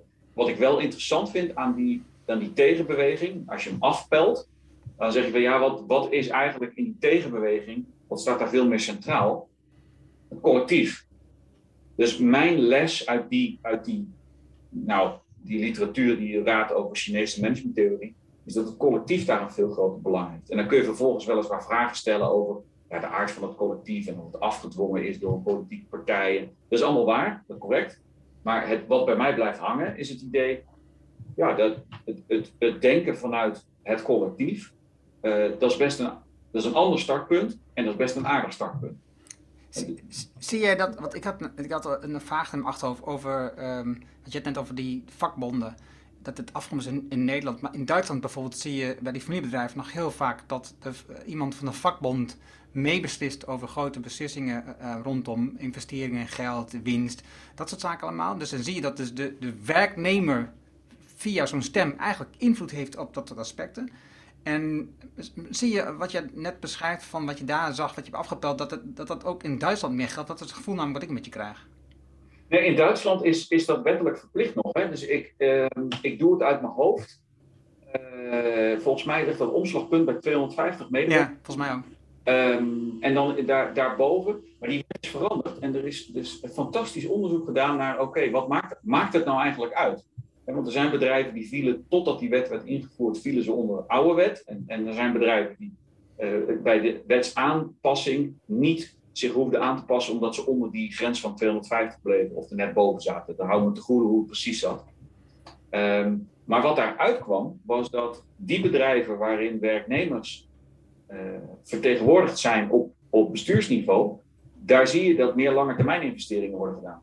Dus de angst was, dus de hypothese van, van economen was, bedrijfskundigen was, ja, als je werknemers daar onderdeel maakt van het, het bestuur, dan zul je krijgen dat er uh, wat meer geld richting uh, de factor arbeid zal gaan. Nou, het tegendeel is eigenlijk waar. Er wordt veel meer geïnvesteerd in lange termijn en in productiviteit op lange termijn. Uh, bij die bedrijven die dus ook vertegenwoordiging hebben van werknemers op bestuursniveau. Dus um, ja, ik, ik, het Duitse model, maar goed, het Duitse model is sowieso anders. Hè? Dat is toch indirect, is het dan toch daarmee dus goed voor die werknemers uiteindelijk? Want ja. je krijgt dan ja, veel zekerheid. Ja. Maar dus is het collectief dan belangrijk in Duitsland dan in Nederland? Ik denk het wel. En Nederland is, maar dan, dat, heeft, dat heeft deels te maken met het systeem van corporate governance in, in Duitsland. Uh, waar, waar bijvoorbeeld, om maar nog maar een heel ander cruciaal verschil te noemen, waar het idee van um, ja, stage lopen, dat is niet de goede vertaling, maar het, het idee dat je als onderdeel van je opleiding. Gezelmeister. Ja, exact, exact. Dat de relatie, dat je dus. On, en dat is een afspraak tussen scholen, waarbij ondernemingen zich committeren aan bepaalde einddoelen die studenten op school moeten kunnen halen. Ja, dat is, dat is waanzinnig goed georganiseerd. Dus helemaal geïnstitutionaliseerd en ingebed. En dat, dat is echt een kern kenmerk van het Duitse systeem. En dat is echt onderscheidend. Dat is ook een belangrijke factor voor de verklaring van het succes van hun uh, industrie. Uh, dus, dus ze zijn in staat geweest om uh, in samenwerking met opleidingen die industrie op een blijvend hoog niveau te houden. Dus dat, is, dat, is, echt een structureel verschil. Maar jouw vraag of dat collectief daar belangrijker is dan in Nederland, ja, maar dat, ik denk dat dat veel meer te maken heeft met dat Nederland dat opzicht veel verder is geïndividualiseerd. Hmm. En Nederland, het, het, idee in Nederland, de norm, zoals ik dat altijd maar noem, dat bepaal ik zelf wel. Gecombineerd met een gebrek aan hiërarchie. Dus ja, als je in Nederland iets voor elkaar wil krijgen en je komt binnen en je zegt, uh, nou, dat gaan we dus zo doen. Nou, dan het eerste wat er gebeurt is, is dat mensen tegenover je zeggen, wie ben jij wel om dat zo te zeggen? En sowieso, ik bepaal het zelf wel. Dus dus de, de Nederlandse houding, uh, de dominante norm, dat bepaal ik zelf wel. En het gebrek aan ja, accepteren van hiërarchie, dat is het eigenlijk. Dat speelt al een hele grote rol. En dat is natuurlijk voor een deel ook wat je beschrijft in je boek. Um, ja. Het probleem waar we tegenaan lopen, tegen die verdeelde Nederlanden. En we zien nu ook terug in, in de discussies rondom corona, is uh, ondanks dat er wetenschappelijk bewijs is, dus, dus vanuit, zeg maar, als je vanuit kennis kijkt, een soort hiërarchisch niveau. Of vanuit de overheid, waarbij afspraken worden, dus een hiërarchisch niveau opnieuw. Um, uh, worden keuzes gemaakt, beslissingen. En er zijn mensen die zeggen, ja, uh, ik geloof dat gewoon niet. Of uh, dat bepaal ik zelf wel, dat ga ik zelf uitzoeken. Ja. en en dit, dit zorgt dan tegelijkertijd bij frustratie voor heel veel, bij heel veel andere mensen die dat deel wel weer accepteren. En zeggen, en jullie zijn gewoon niet goed bij je hoofd dat je, het zo gaat, dat je daar zo tegenin gaat. Want dit verziekt het geheel. Ja. ja, wat het zo ingewikkeld maakt is dat er zijn veel factoren. Je hebt mensen die, die, die om, om redenen, bijna grondwettelijke redenen, met lichamelijke integriteit en het recht op lichamelijke integriteit, die zeggen van nou, ik doe daar niet aan mee. Maar er zit ook een forse stem van mensen die inderdaad zeggen, dat bepaal ik zelf wel. En, en dat dan gekoppeld aan het idee dat de overheid daar eigenlijk de afgelopen 30 jaar en zeker de laatste 15 jaar heel sterk heeft gezegd en heeft gestuurd op, ja, je moet het zelf uitzoeken, eigen verantwoordelijkheid. En, en ja, zoals ik het zelf wel eens heb samengevat uh, op een andere plek, dus ja, na 30 jaar komt de overheid weer eens om de hoek kijken en zeggen, ja, nu moet je weer naar ons luisteren. Ja, dat is een ingewikkeld verhaal in een samenleving die, die heel erg ja, is opgeschoven richting, je moet het zelf uitzoeken. En de overheid is er wel, maar alleen in noodgevallen. Ja, nou, nu is er een noodgeval en nu wil de overheid eigenlijk die rol weer terugpakken. En dat is ingewikkeld. Dat is een mooie. Um, als je naar je boek kijkt, jij, wat, ik, wat ik mooi vind, en Tom uh, zegt dat heel duidelijk in, in de boekenkast, is dat je, je beschrijft heel duidelijk wat, wat de bron is van, van, van die stormen, zeg maar, van wat er gebeurt, wat, wat er aan de hand is. Dat, dat leg je heel erg goed uit. Um, maar veel belangrijker nog, daarnaast een beetje in het laatste deel gewoon een oplossing, of niet één oplossing, je verschillende oplossingen aan om nou, te kijken hoe we hieruit kunnen komen. Om, om, om, want, want, we gaan de verkeerde kant op. Dat is een, je hebt het in Amerika, heb jij het gezien. Zeg, nou, ja. dat, dat moet in ieder geval niet willen. Sterker nog, ik denk dat afgelopen zomer, was dat niet, was begin dit jaar, dat iedereen heeft gezien in Amerika, dat we die bestorming van het Witte Huis, dat soort dingen. Dat is de kant waar je niet op wilt. Waarbij de ene president zegt, nee, dat klopt niet, ik ben nog steeds president. En mensen dat gewoon geloven, die dat zeggen. Ja. Dat, ja. dat, dat, is niet wat we willen. terwijl we, we gaan wel die kant op. Nog ik heb nog niemand gehoord die zegt dat dat een goed idee is. Nee, nee maar en toch zijn er eh, best wel veel aanhangers van uh, uh, nou, twee partijen in Nederland die bouten uitspraken doen in de politiek. Um, feiten verdraaien. Um, elementen pakken uit een onderzoek om aan te tonen dat wat, wat gezegd wordt politiek dat dat niet correct is, maar dat je naar ja. moet luisteren. En dat doet dus een deel van die bevolking die dus op zoek is naar een soort ja, um, iets waarbij ze kunnen zeggen: oké, kijk, dat zijn mensen die ik wel geloof. Ja, ja wat, dat klopt. Wat je, wat je terecht zegt is dat er is, er is een serie oplossingen. Dus er is, niet, er is niet één gouden knop waar je op kan drukken. En, en als we die gouden knop maar weten te vinden, dan is het probleem opgelost. En dan kan iedereen weer gelukkig verder. Uh, zo is het niet. En, en dat, dat, is precies ook wat ik in mijn boeken probeer te doen. Zeggen, het probleem is niet. Het komt van meerdere kanten. En omdat het van meerdere kanten komt en bij elkaar komt, is het probleem zo, zo akelig. Dus betekent het ook dat als je aan de oplossingenkant gaat, gaat denken, dan moet je dus ook aansluiten bij ja, die, die oorzaken die van verschillende kanten komen. Nou, wat jij nu beschrijft, daar zitten verschillende aspecten aan. Daar zitten aspecten aan van het is veel goedkoper dan vroeger om je eigen nieuws te maken. dus vroeger had je schaal nodig als een, als een mediabedrijf, want ja, het was duur. Dus je moest een beetje, een beetje links of een beetje rechts van het midden. Maar als je te veel opschoof, dan verloor je te veel klanten. En, en dat was onbetaalbaar. Dus iedereen centreerde zich min of meer rond dat midden. Ja, die flanken waren er wel, maar die hoorde je veel minder. Ja, nu is, die, nu is dat medialandschap, dankzij diezelfde technologische ontwikkeling die, die we eerder hebben besproken, is zoals helemaal dit, veranderd. Zoals dit, hè? Ja, zoals dit. Nou ja, het is een, het is een, het, het is een, uh, het is een mixed blessing. Uh, want aan de ene kant stelt het in staat om groepen die voorheen een beetje in de, in de randen opereerden en die niet of onvoldoende gehoord werden, die kunnen zich emanciperen. Nou, dat is, dat is fantastisch. Um, maar het betekent ook dat groepen uh, zich kunnen, van zich kunnen laten horen, waar, waar je af en toe je wenkbrauwen van kan optrekken. En uh, ja, dat maakt de discussie zo ingewikkeld. Dus dat is één aspect daarvan. Dus die mediawereld is helemaal veranderd. Dus je kunt inderdaad je eigen journaal beginnen. dat, is, dat is mogelijk. Uh, dus dus dat, is, dat is één aspect. Het andere aspect is, ja, dat wordt dan ook nog eens gevoed door sociale media. Ja, hoe, maar hoe krijg je dat beest onder controle? Want dat is nog niet zo makkelijk. Nou ja, misschien dat veel luisteraars uh, met, met, met wat historische interesses dat, dat zich kunnen in, nog, nog, nog kunnen indenken. Maar het opknippen van Facebook, waar we nu over praten, dat is niks nieuws. Dat is met een groot monopolie uh, al eerder gebeurd. Het is gewoon een nieuwe technologische ontwikkeling. Ontstaat een groot monopolie en daar moet de overheid op ingrijpen. 100, wat is het, 120 jaar geleden of zo gebeurde precies hetzelfde bij Standard Oil.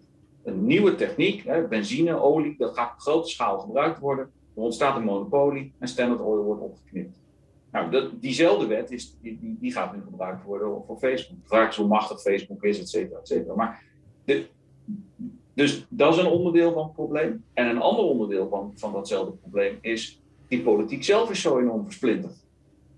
En, en, en heel lang ben ik geen voorstander geweest van een kiesdrempel, omdat ik vind dat alle politieke partijen moeten zich. Als je politiek geëngageerd bent en je wil dat, dan vind ik dat. Hè, dan zou het mooi zijn als mensen daar de ruimte voor krijgen. Alleen de prijs die je betaalt met zoveel kleine politieke partijtjes, is dat het controlemechanisme niet meer gaat werken. Dus als jij 18 partijen hebt, uh, die voor een deel bestaan uit eenpitters, ja, dan heb je het grote probleem dat die, dat die de, de wetgevende macht, om het maar eventjes in officiële termen te zeggen, die kunnen ze niet goed controleren. Want, om het maar gelijk heel praktisch te maken, uh, op dinsdagochtend om 11 uur vergadert de commissie Buitenland. Op dinsdagochtend om 11 uur vergadert de Tweede Kamercommissie Gemeentelijke Herindeling ook. En op datzelfde moment vergadert de commissie uh, Financiën. En daar moet je dan als één pit erbij zijn. Nou, dat kan dus niet. Nee. Dus, dus in hele praktische zin maakt dat het controleren van, van de overheid heel erg ingewikkeld. Dus ja, wat moet daar dan aan gebeuren? Nou ja, misschien dat je toch eens moet nadenken over een kiesdrempel. Maar dat, datzelfde zie je natuurlijk, ik wil hem zo afronden, maar datzelfde zie je natuurlijk terug bij, um, bij die media. Dus, dus als je een groot mediabedrijf hebt, je hebt veel klanten, dan heb je veel geld, kun je dus uitgebreid onderzoek doen. Nu, ja. nu zijn allemaal, dus iedereen moet zijn eigen onderzoek doen. Maar je kan niet alles onderzoeken. Je kan, je kan niet als je naar de winkel gaat van elk pak wat je in de hand hebt, de, alles onderzoeken waar het vandaan komt. Dat is onmogelijk. En hetzelfde geldt als je dus, zoals wij een podcast hebben, dan kan ik ook niet al jouw uitspraken onderzoeken. Dat is, dat is onmogelijk. Nee. Maar, maar als je een goed mediabedrijf bent, zou dat natuurlijk wel de kern moeten zijn. Want als je een mediabedrijf bent, zeker als je onafhankelijk bent, dan wil je dus de waarheid achterhalen zoveel mogelijk. En dus dan moet je dus veel onderzoek doen. Ja, maar de, en, en hier ligt nou, en, en, en dat maakt de discussies ingewikkeld, want dan zou je zeggen van ja, dus goede informatie is een publiek goed. als econoom zeg je dan goede informatie is een publiek goed. Dus is er een rol voor de overheid. Nou ja, dan is de vervolgvraag, oké, maar wij gaan dus met z'n allen, als we het belangrijk vinden, belastinggeld steken in goede informatievoorziening. Ja, nou, nou dat noemen we de publieke omroep. Maar ehm, hoe zit het met, uh, met kranten dan? Uh, waar, met andere woorden, waar houdt dan eigenlijk die rol van de overheid op? En hoe zorg je ervoor dat, dat die publieke omroep dan ook wel representatief is voor de hele gemeenschap die die publieke omroep financiert? En daar is natuurlijk de laatste jaren zijn daar vragen bij gesteld. Um, hè, om, om, om de knuppel maar in het hoenderhok te gooien. Maar uh, de vraag die op tafel ligt, en ik zeg niet dat, dat ik het antwoord erop heb, maar de vraag die op tafel ligt, is wel in hoeverre is de publieke omroep bijvoorbeeld in staat om politieke partijen die aan de rechtspopulistische kant, om maar eens een, een uitroep te noemen, om die te vertegenwoordigen? Zijn er mensen die daar werken, die daarop stemmen, die daar affiniteit mee hebben? Ik denk het niet. Uh, in alle eerlijkheid kan ik niet controleren, maar mijn inschatting, mijn werkhypothese zou zijn dat dat niet zo is. In ieder geval heel weinig. In ieder geval heel weinig. En ik zeg niet dat dat moet, maar het roept bij die groep de vraag op in hoeverre zij gerepresenteerd worden in iets waarvan we met z'n allen zeggen, nou daar steken wij belastinggeld in, want dat is zo objectief mogelijke informatie. Hmm. Ja, in hun beleving is dat anders. Oké, ik heb nog, nog een heleboel vragen. Ik wil nog, en die ga ik niet stellen voor duidelijkheid, maar ik wil nog één ding wat ik namelijk heel interessant vond in je boek, wil ik nog benoemen. En um, omdat me dat aan het hart gaat. Um, je hebt het in je boek over um, de immigranten, de migranten. Ja. ja. En jij, jij zegt in de oplossingen dat het van belang is dat we de kinderen van de migranten niet ook migranten noemen, maar dat we de kinderen van de migranten noemen. Omdat dat in de cijfers um, misbruikt wordt om een beeld te geven wat er in een, in een maatschappij gebeurt. Ja. misbruikt door alle partijen. Hè? Ja, ja, ja. ja. Die daar belang bij hebben. Ja, ja dus, dus dat wilde ik beslist nog um, uh, in ieder geval zeggen. Maar ik heb ook echt niet een vraag over eerlijk gezegd. Nou, maar misschien wil jij niet op zeggen. Nou ja, kijk, het, het, wat, wat we in Nederland doen, uh, is dat we mensen die hier naartoe komen, die zijn migrant. Dat is ook de, als je mensen vraagt wat is een migrant, dan zal iedereen zeggen, nou, dat is iemand die uit het buitenland komt en die hier komt wonen en komt werken. Um, of een leven wil opbouwen. Maar wat we in Nederland doen, is dat we mensen, de kinderen daarvan, die hier geboren en getogen zijn, die nemen we ook mee in die cijfer. En uh, het is overigens een heel gevoelig onderwerp hoor, want, want er zijn mensen die zeggen, nou, dat is heel prima. Uh, maar er zijn ook mensen, zoals ik, die zeggen, ja, dat is eigenlijk niet prima. Want wat er dan gebeurt zijn twee dingen. En, en ik denk dat dat twee dingen zijn waar je, even, waar je in ieder geval even bij moet stilstaan. He, dus als jij als kind geboren en getogen bent in Nederland, maar je wordt aangesproken elke keer op de achtergrond van jouw ouders, dan doet dat wat met je in je identiteitsvorming. Het is hetzelfde als dat, omdat mijn vader uh, rooms-katholiek zou zijn geweest, zou ik ook rooms-katholiek zijn, terwijl ik misschien afscheid heb genomen van de rooms-katholieke kerk. Nou, dat, dus hè, het feit dat je in je identiteit elke wordt aangesproken op dat wat je ouders, of je vader of je moeder was, dat maakt het ingewikkeld. Maar het maakt het ook ingewikkeld voor, en dat, en dat moet je niet onderschatten, hè, voor mensen die het betreft, de, het belang hiervan. Um, maar, wat, maar wat eigenlijk in het grote verhaal nog vervelender is, is dat die cijfers dus heel erg vervuild zijn. Want waar hebben we het dan eigenlijk over? Dus je krijgt verschrikkelijk kromme zinnen, en die benoem ik ook in mijn boek als voorbeeld, van officiële statistische bureaus in Nederland. Die zeggen, ja, de Nederlandse bevolking groeit door immigratie, uh, specifiek door de in Nederland geboren kinderen van migranten. Nou, als je die zin op je laat inwerken, dan denk je, wat wordt hier nou eigenlijk gezegd? Dat is heel gek. Dus Nederland groeit door migratie, specifiek door de in Nederland geboren kinderen van migranten. Nou, dus als je, als je, mijn voorstel is, laten we die discussie nou wat zuiverder voeren. Want een enorm heet hangijzer in die polarisatie, of wat Nederland doet polariseren, is de migratiediscussie. En die migratiediscussie, die, het helpt niet als je die niet op feiten baseert. Dan zijn er vervolgens mensen die zeggen, ja, maar dan gaan dus de migratiecijfers door de helft. Want als je de kinderen van migranten niet meer meeneemt in die cijfers, ja, dan, dan, dan dat is lekker. Dat is, dat, is, dat is een fijne politieke agenda, zeggen mensen dan. Die zeggen, die, die zeggen van ja, uh, jij, jij definieert het migratieprobleem weg. Nee, dat doe ik helemaal niet.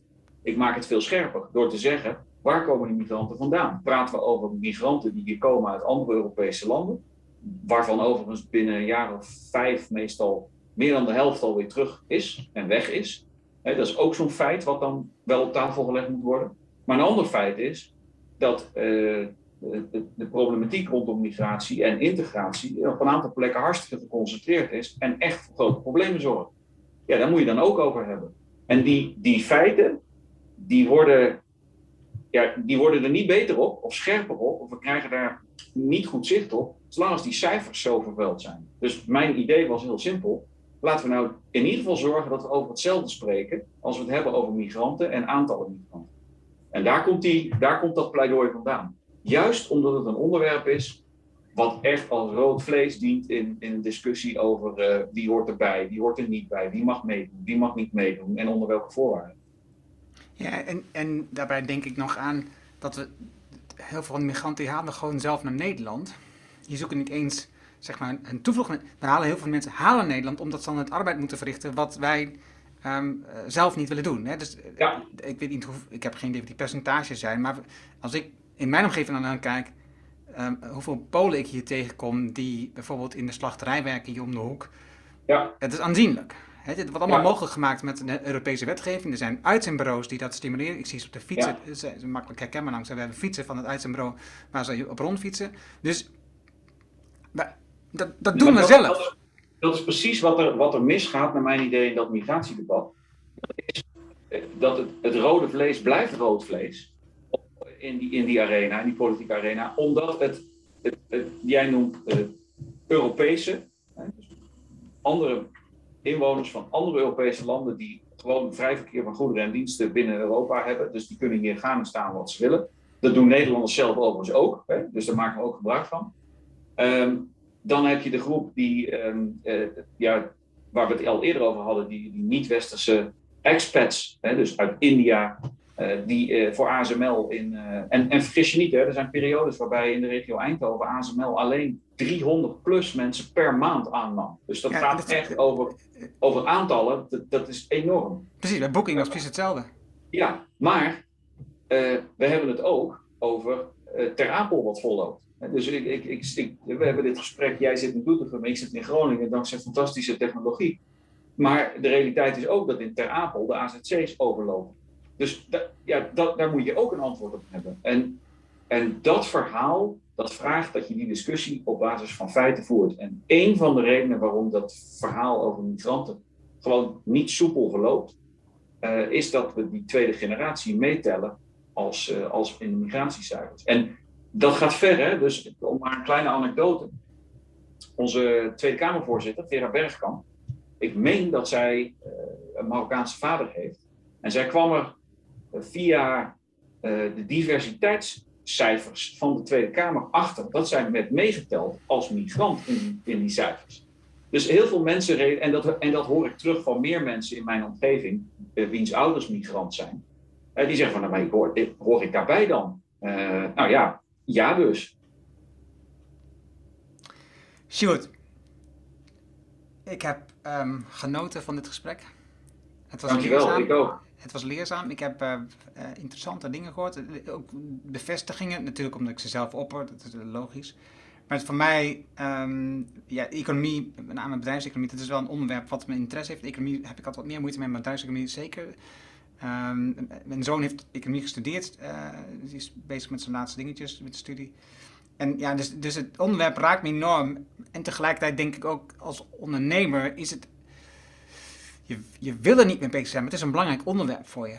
En dat, dat is een beetje wat ik met de gesprek met jou probeerde. Um, uh, waarom ik je gevraagd heb ook voor het gesprek. Dat, uh, dat er zijn zoveel aspecten, en dat zie je ook in je boek terug, die je als ondernemer raken. Um, ja. Met je medewerkers, met, met het systeem, met, met de beloning, met betalingen, met met de, de, de, ja, het Europese of het Anglo-Amerikaanse model wat je volgt. Er zitten zoveel raafvlakken in wat je, wat je, wat je wat als ondernemer, zeker kleine ondernemer, die hier niet mee bezig is. Ja. Terwijl het eigenlijk slimmer zou zijn om er af en toe wel naar te kijken, omdat jij zoveel van. Ja, je hebt de tijd niet hè, om, er, om er af en toe bij stil te staan. En dan, uh, misschien dat zo'n een, een, podcast van jou daar ontzettend goed bij kan helpen. Om af en toe even, even in de auto te luisteren naar wat is eigenlijk de context waarin ik opereer en, en wat zijn de dingen waar ik wel of in meer of minder mate mee, mee kan of wat mee moet. Ja, nou, en dat is precies de reden dat ik dit doe. Dankjewel. Ja, dank je. Dankjewel, Sjoerd. Graag gedaan. Dat was het gave gesprek met Sjoerd en je vindt de namen links die we noemden in het artikel dat bij deze aflevering hoort. Ga daarvoor naar ernohanning.nl slash show 329. Wil je vanzelf automatisch de volgende aflevering op je telefoon ontvangen? Dat kan heel eenvoudig. Heb je een iPhone, dan zit daar standaard de Apple Podcast app op. Ja. En open die app, zoek de Ernoning Show op en klik op abonneer. En tegenwoordig moet je nog een extra vinkje aanzetten dat je ook werkelijk de aflevering wilt downloaden. Heb je een Android-telefoon, installeer dan bijvoorbeeld eerst de Player FM app. Open die app, zoek de Ernoning Show op en klik op abonneer. Dankjewel hiervoor. Heb je vragen over deze aflevering met Stuart of opmerking of reactie? Of iets over de podcast in het algemeen, stuur dan een e-mail naar podcast.ernwarning.nl. Dan weet ik dat het over podcast gaat. En ik hoor super graag van jou. Wil je leren hoe je ieder kwartaal 195 belangrijke acties realiseert? Wil je 7 tips hoe je uit de waan van de dag komt en de lange termijn doelen nu realiseert? Vraag dan het boek Impactbeslissingen voor een leider aan op ernwarning.nl. Dit is mijn nieuwste boek en je downloadt het helemaal gratis.